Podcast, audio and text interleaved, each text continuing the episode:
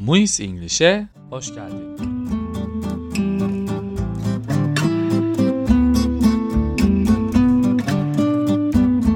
Her şeyden önce şunu söylemek isterim ki yeni bölüm geciktiği için ben de huzursuzum. Tekrar böyle bir aksaklık yaşanmaması için her hafta belli bir günde yeni bölüm yayınlamayı planlıyorum. Böylece daha motive bir şekilde hazırlanıp bölüm yayınlayabilirim diye düşünüyorum. Linguistics dersinin sıkıcı son konuları bu bölümde yer alacak. Sonraki bölümlerin konusu daha ilginç olacağı için daha keyifli olacağı aşikar. Bu bölümde 7 ve 8. üniteler yer almakta. Böylece geriye 9 ünite ve daha az bölüm kalmış olacak Linguistics için. O halde hemen başlayalım. Unit 7 Grammar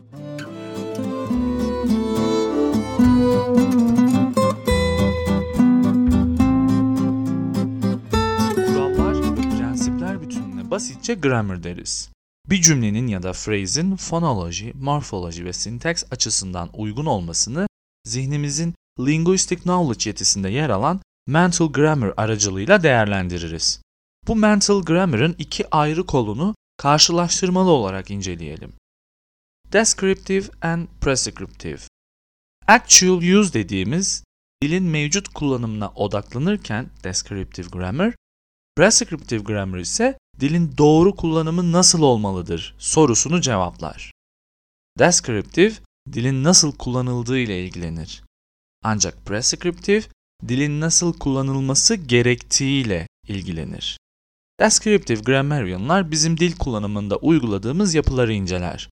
Prescriptive grammarianlar ise tam olarak biz öğretmenler oluyoruz. Kurulan cümleleri doğru yanlış olarak değerlendirirler. Yine de ben size öğrencilerinize özgür bir konuşma alanı yaratmanızı tavsiye ederim. Peki bu iki ayrım soru olarak karşımıza nasıl çıkar? Bir soru bankasından aldığımız örneği inceleyelim. Which of the following sentences cannot be accepted as grammatical by prescriptive grammarians? A. They invited me to their wedding. B. We went to Spain last year. C. I just want to eat something. D. The students do not have an exam today. E. She is preparing meal in the kitchen. İlk bakışta tüm seçenekler doğru görünebilir. Aslında bir bakıma zaten herhangi bir yanlışlık var da diyemeyiz. Şöyle bir durum var ki prescriptive dediğimiz yaklaşım dil ve grammar konusunda çok titizdir. A seçeneğindeki olayı düşünecek olursak invite verbü past bir zamanda gerçekleşmiştir ancak present'e eylemin etkisi devam ettiği için burada present perfect tense kullanmamız gerekir. Böylece cümlenin en doğru hali They have invited me to their wedding şeklinde olmalıdır diyoruz. Gelişi güzel past tense ile ifade edilmesi prescriptive grammarcilere göre yanlış olur ve bu sebeple sorunun doğru cevabı A seçeneği olur.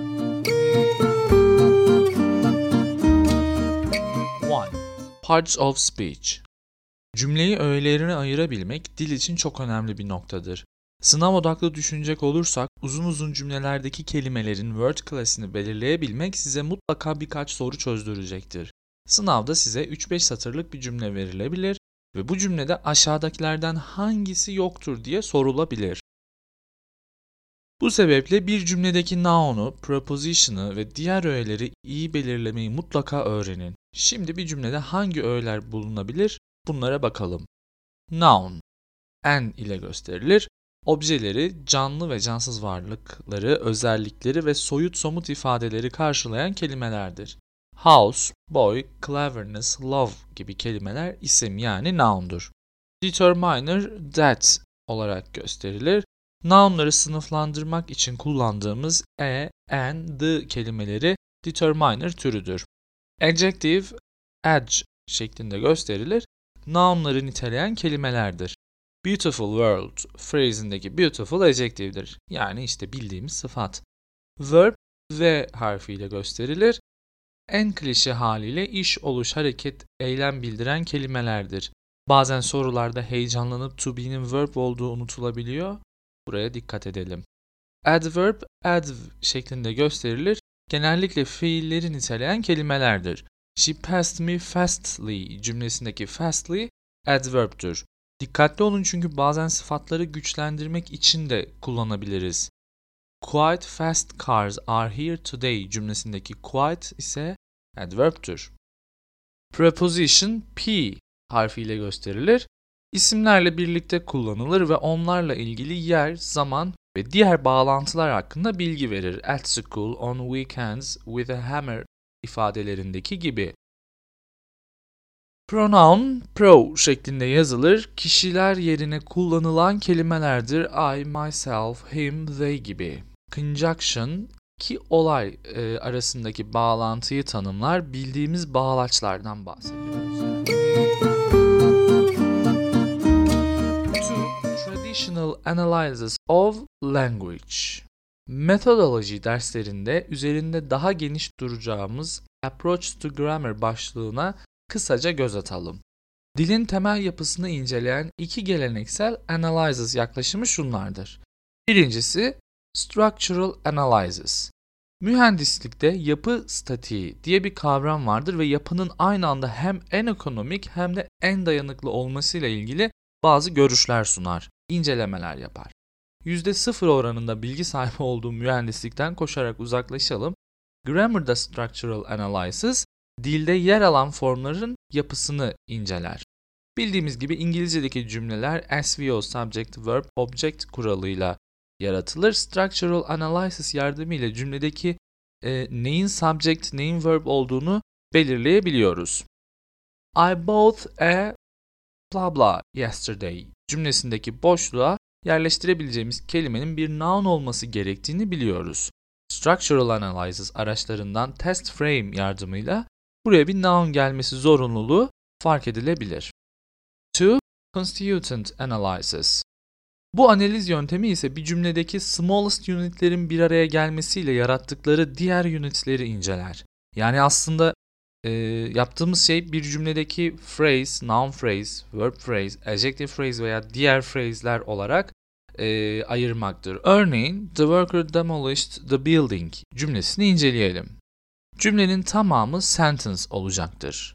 Cümleyi hiyerarşik olarak ayırdığımızda ise The worker demolished bir verb phrase, the building ise bir noun phrase olur. Biraz daha bölersek the worker noun phrase, demolished verb olacaktır. Bölmeye devam edelim. The worker noun phrase'indeki the bir determiner iken worker noun olur.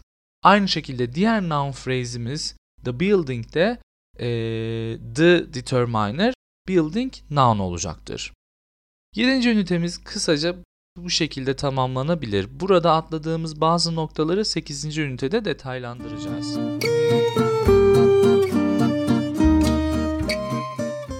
Unit 8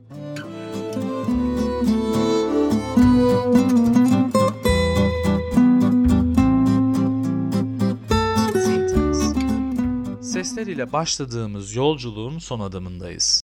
Syntax, word'ler aracılığıyla phrase'ler, phrase'ler aracılığıyla ise sentence'lar üretimini inceler. Biraz önce bahsettiğimiz SVO kuralına göre bir cümlenin nasıl kurulacağı, bu cümlede yer alan elementler arasındaki agreement durumları ve diğer cümle bileşenlerini bu alt dalda çalışırız. Bu ünite için iyi bir language proficiency gerekli olacaktır çünkü soru gelen bir bölümdür ve Sorular genellikle cümlenin öğeleri üzerine olacaktır. Bir phrase'in hangi sınıfta olduğunu belirlemek için doğal olarak temel English grammar bilgimiz olmalı. Yeterince uzattıysak sentence structure ile başlayalım.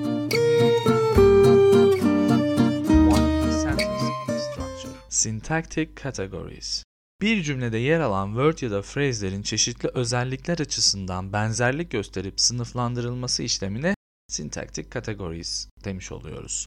Cümlede yer alan unitlerin aynılığı ilkesi üzerine hareket edildiği için biz syntactic kategorisi ikiye ayırırız. Phrase level ve word level. Word level syntactic categories dediğimiz şey kelimenin lexical ya da functional olması durumudur ve biz bu konuyu morphology ünitemizde detaylıca çalıştık. Phrase level kategori ise cümle içindeki unitlerin verb phrase, noun phrase, determiner phrase e, gibi gruplandırılmasıdır. Phrase and phrase structure rules. Bir önceki ünitede verdiğimiz the worker demolished the building cümlesini determiner, noun, phrase, verb phrase olarak tek tek ayırmıştık. Biz bu cümleyi phrasal categories olarak da parçalara ayırabiliyoruz. Cümledeki bir determiner ve noun'dan oluşan the worker bir noun phrase olur. Yine bir determiner ve noun'dan oluşan the building de bir noun phrase'dir. Peki bu phrase'e getirilen demolished verb'ü bu unit'i nasıl değiştirir? Tabii ki demolished the building yapısı bir verb ve bir noun phrase'den oluşan bir verb phrase olacaktır. Cümlenin tamamı bu defa bir noun phrase ve verb phrase'den oluşmuş olur. Biz syntax subscience ile aslında cümlede yer alan kelime gruplarını fark edip onları ayrıştırabiliyoruz.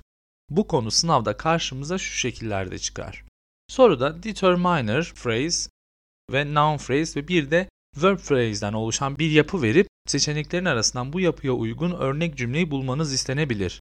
Yapısına ayrılmamış bir örnek cümle verip seçenekler arasından soruda geçen cümle ile aynı yapıdan meydana gelen başka bir cümleyi seçmeniz istenebilir. Bir cümle verilip seçenekler arasından doğru yapı ayrımının hangisi olduğu size sorulabilir. Bir şekilde mutlaka karşınıza bir soru çıkacak bir alandır. Başta gözünüz korkabilir ancak biraz detaylı çalışıp birkaç örnek alıştırma yaparsanız bunun aslında çok kolay olduğunu görebilirsiniz. Ayrıca imkanınız varsa bu konuyu mutlaka görerek çalışın. Çünkü diyagramlarla yapılan bölmeler konuyu daha hızlı kavramanıza yardımcı olacaktır.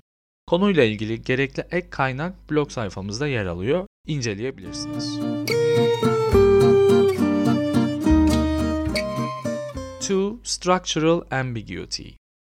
Yaptığımız sınıflandırma işlemi her zaman bu kadar kolay olmayacaktır.